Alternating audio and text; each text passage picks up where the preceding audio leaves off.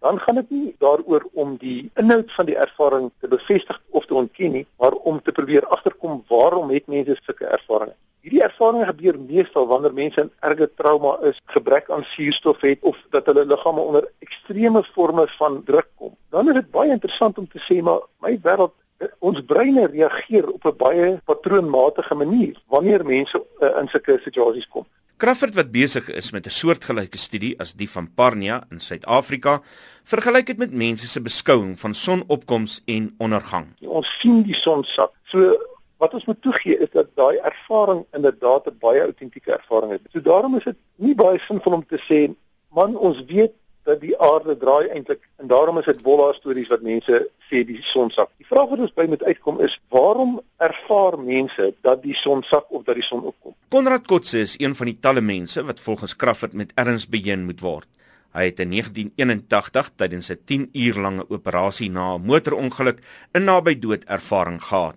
Volgens hom het hy opgedryf na die plafon en afgekyk op sy liggaam. In die volgende oomblik, soos die tradisionele siening is, is daar 'n lig maar dit is 'n groot donkerte wat daar is eerder as 'n lig. En aan die einde van die donkerte is daar 'n lijk of waar 'n deur staan. En terwyl ek dan deur toe beweeg het daar 'n wese aan my verskyn wat vir my gevoel het soos my oupa. Aan die ander kant van die deur was daar 'n groot oopte gewees. Daar was 'n veld gewees was groen gewees was helder gewees.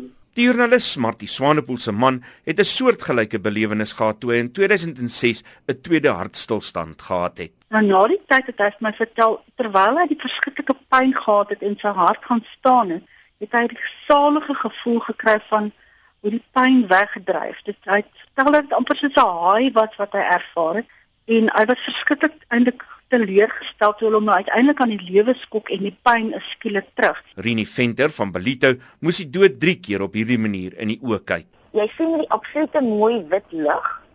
Daar's ruimte, daar's lig, daar's 'n gevoel van veiligheid. Maar daai liggaam wat daar lê, nee, dis die mees angswekkend gevoel wat ek kan ervaar. Ek weet ek kan amper vir jou sê dis hemel en hel gelyk. Volgens Crawford moet 'n mens versigtig wees oor die begrip dood wat in studies soos Parniasin gebruik word. Dood is nie 'n uh, momentele ding as jy op asemhaal in jou hart hou op tot op parlement as jy dood nie. Dood is 'n proses wat intree vir jou brein ongeveer 12 minute. Ander organe kan tot 2 ure vat voordat hulle dood is, met ander nie weer gebruik kan word. Maar hy hou vol dat mense se ervarings nie sonder meer afgemaak moet word nie.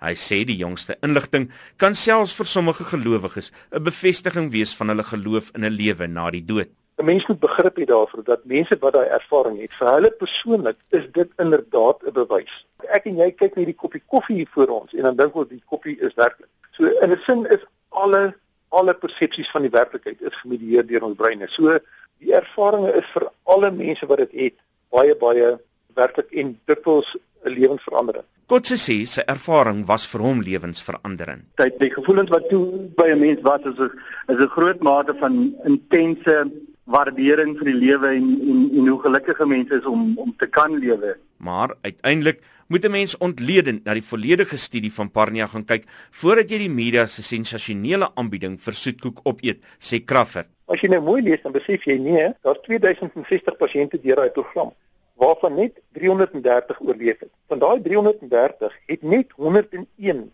in staat gewees om die onderhoude te voer. Van daai 101 mense het slegs 9 naby dood ervarings gehad. Van daai 9 is daar net een enkele persoon wat ervarings gehad het wat hulle nou beweer 'n geverifieerde persepsie was. Dit was professor Pieter Crawford.